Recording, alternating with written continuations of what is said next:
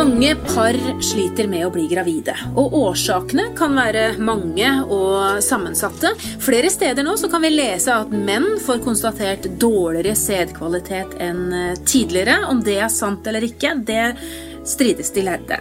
Jeg er på besøk hos Peter Federsjak. Han er avdelingsleder for reproduksjonsmedisinsk avdeling, et vanskelig ord, på kvinneklinikken ved Oslo universitetssykehus. Og vi skal snakke om menns sædkvalitet i denne episoden av Babyverdens podkast. Um, Peter, vi kan jo starte med det som var litt vanskelig. Da. Er det sånn at sædkvaliteten til menn har blitt dårligere de siste årene? Ja, uh, dette er en påstand som kanskje man bør uh, modifisere litt. Så uh, den som er sannheten, at det ble gjennomført i det siste flere tiår en del undersøkelser som eh, tatt for seg å måle spermiekonsentrasjonen hos menn gjennom mange år.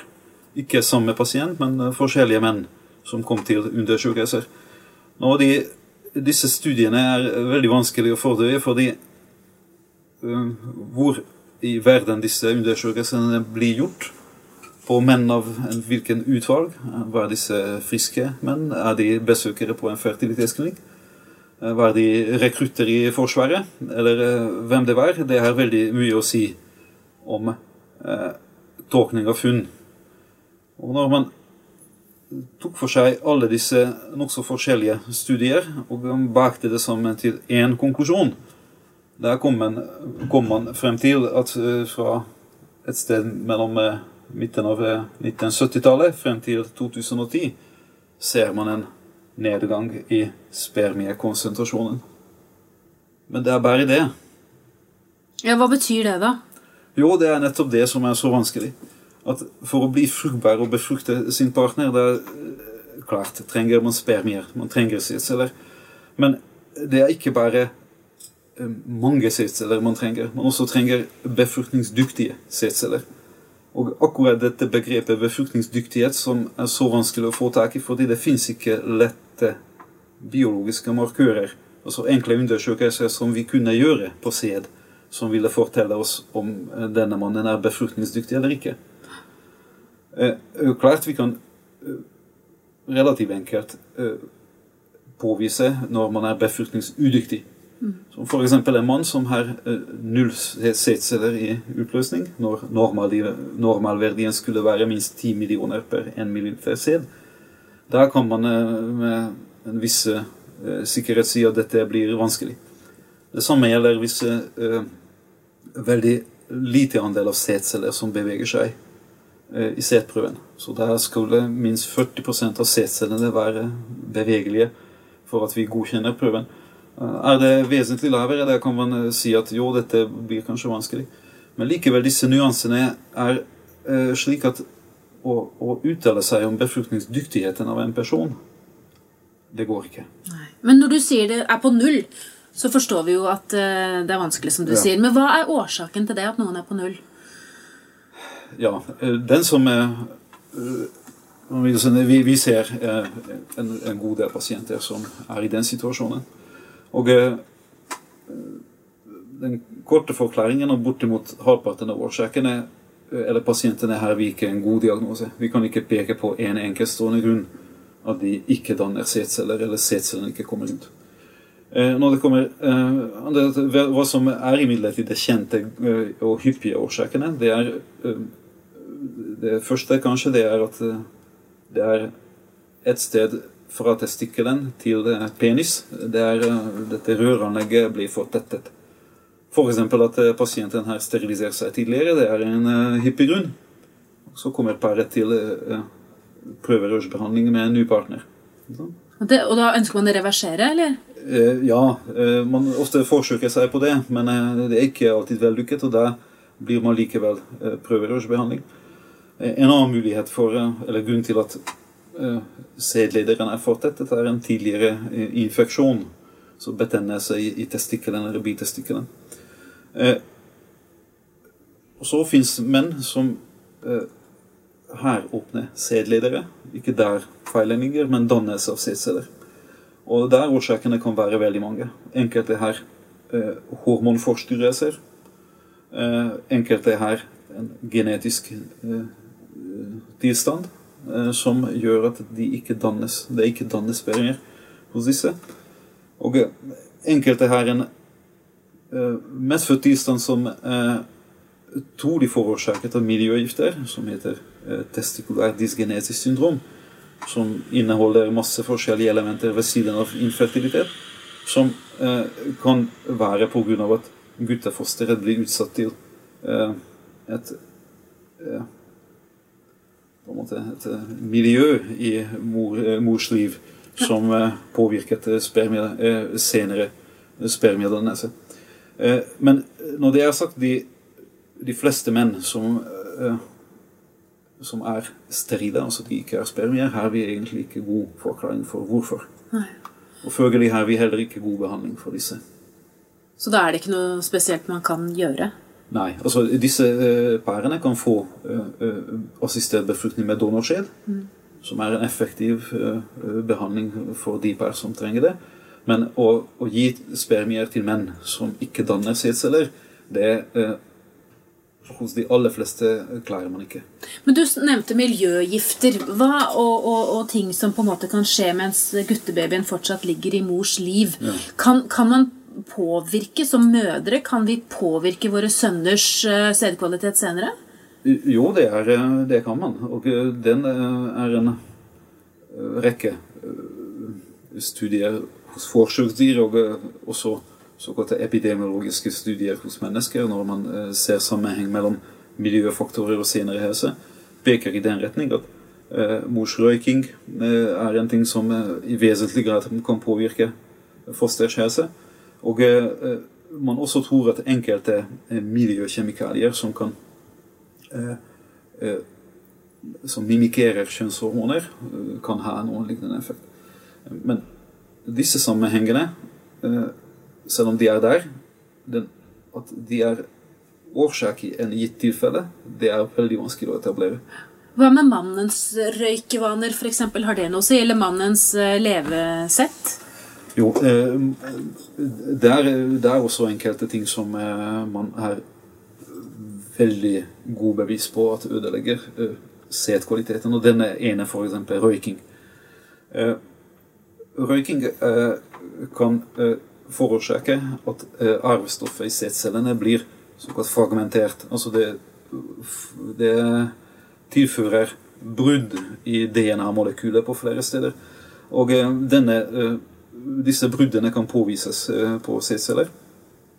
Og eh, vi ser det en veldig tydelig sammenheng mellom mannsrøyking og forekomst av disse DNA-bruddene, som kan føre til at at sædcellen ikke er befruktningsdyktig.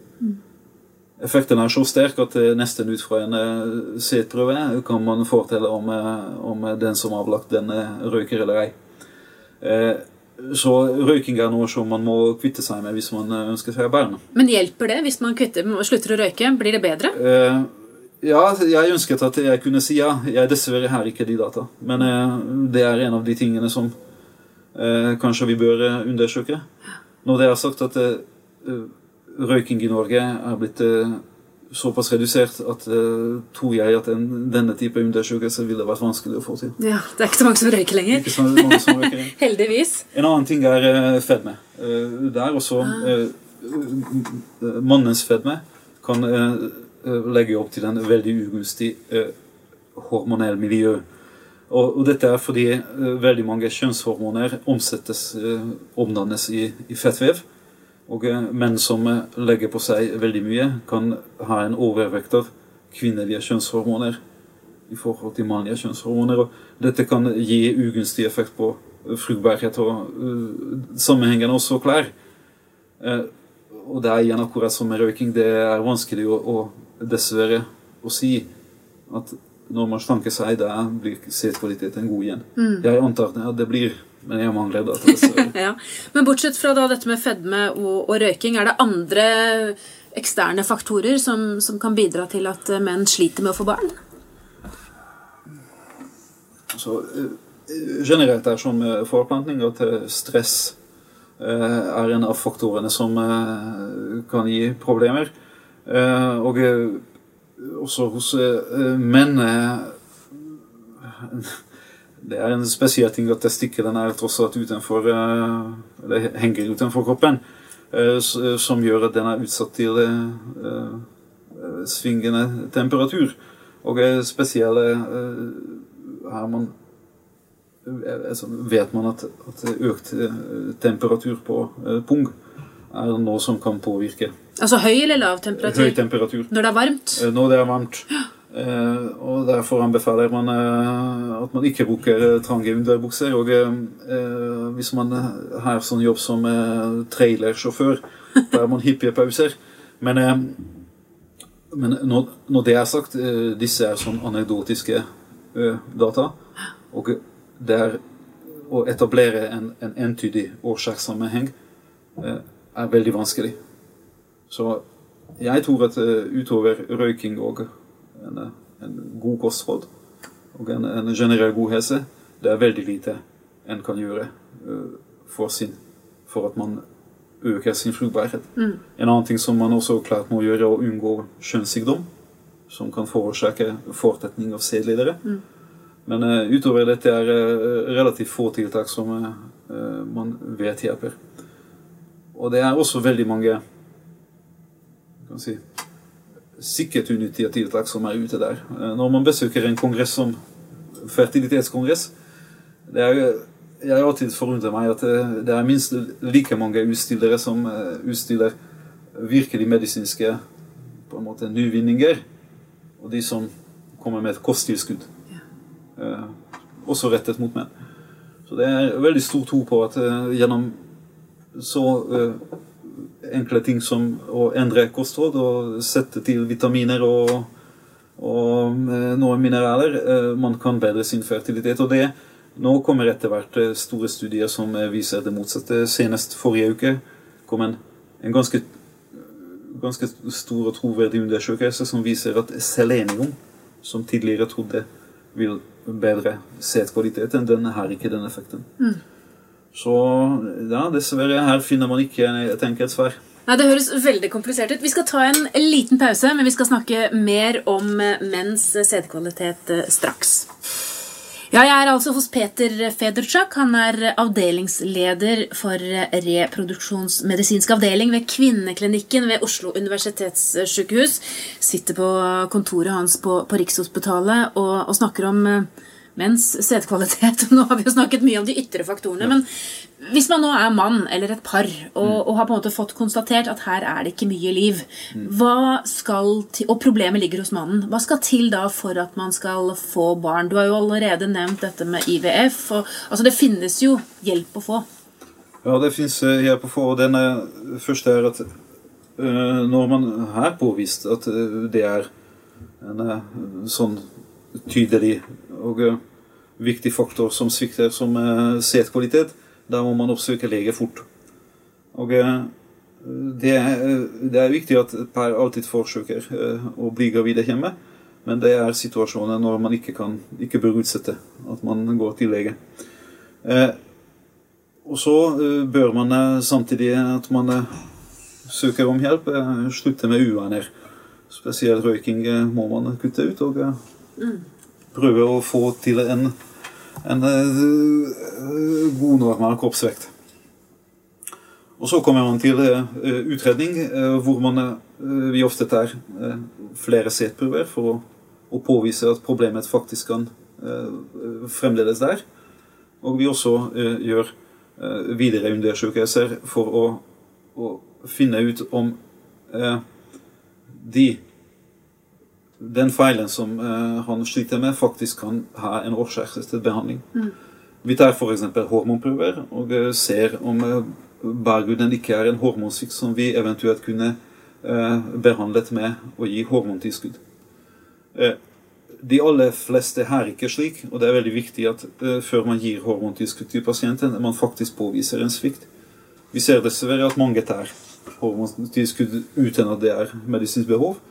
Og eh, dette kan også forårsake at man får en enda verre setkvalitet enn man opprinnelig hadde. Mm. Så her må man være varsomt. vi også gjør undersøkelser for vi tar vevsprøver noen ganger fra testiklene for å se om årsaken ligger i en fortetning. Og eh, hvis eh, alt er, eh, alt er gjennomført, eh, ofte havner vi eh, der at vi må gjøre prøverørsbefruktning hos bæret. Mm. Det er en behandling som er sammensatt. Det er lang tid. eh, Krever mye fra pasientene. Eh, Mange opplever veldig tung, men eh, det, er en, det kan ofte være en effektiv behandling når årsak ligger hos mannen. Ja, hva er sjansen for å lykkes med det, da? Eh, I utgangspunktet ved prøverørsbefruktning regner man en sjanse på gjennomsnittlig 30% per påbegynbehandling.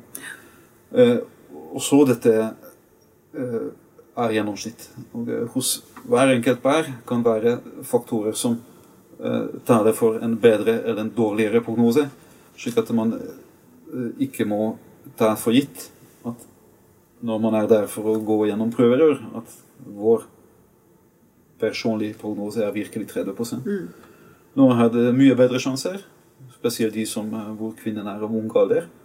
Kanskje hun var gravid før.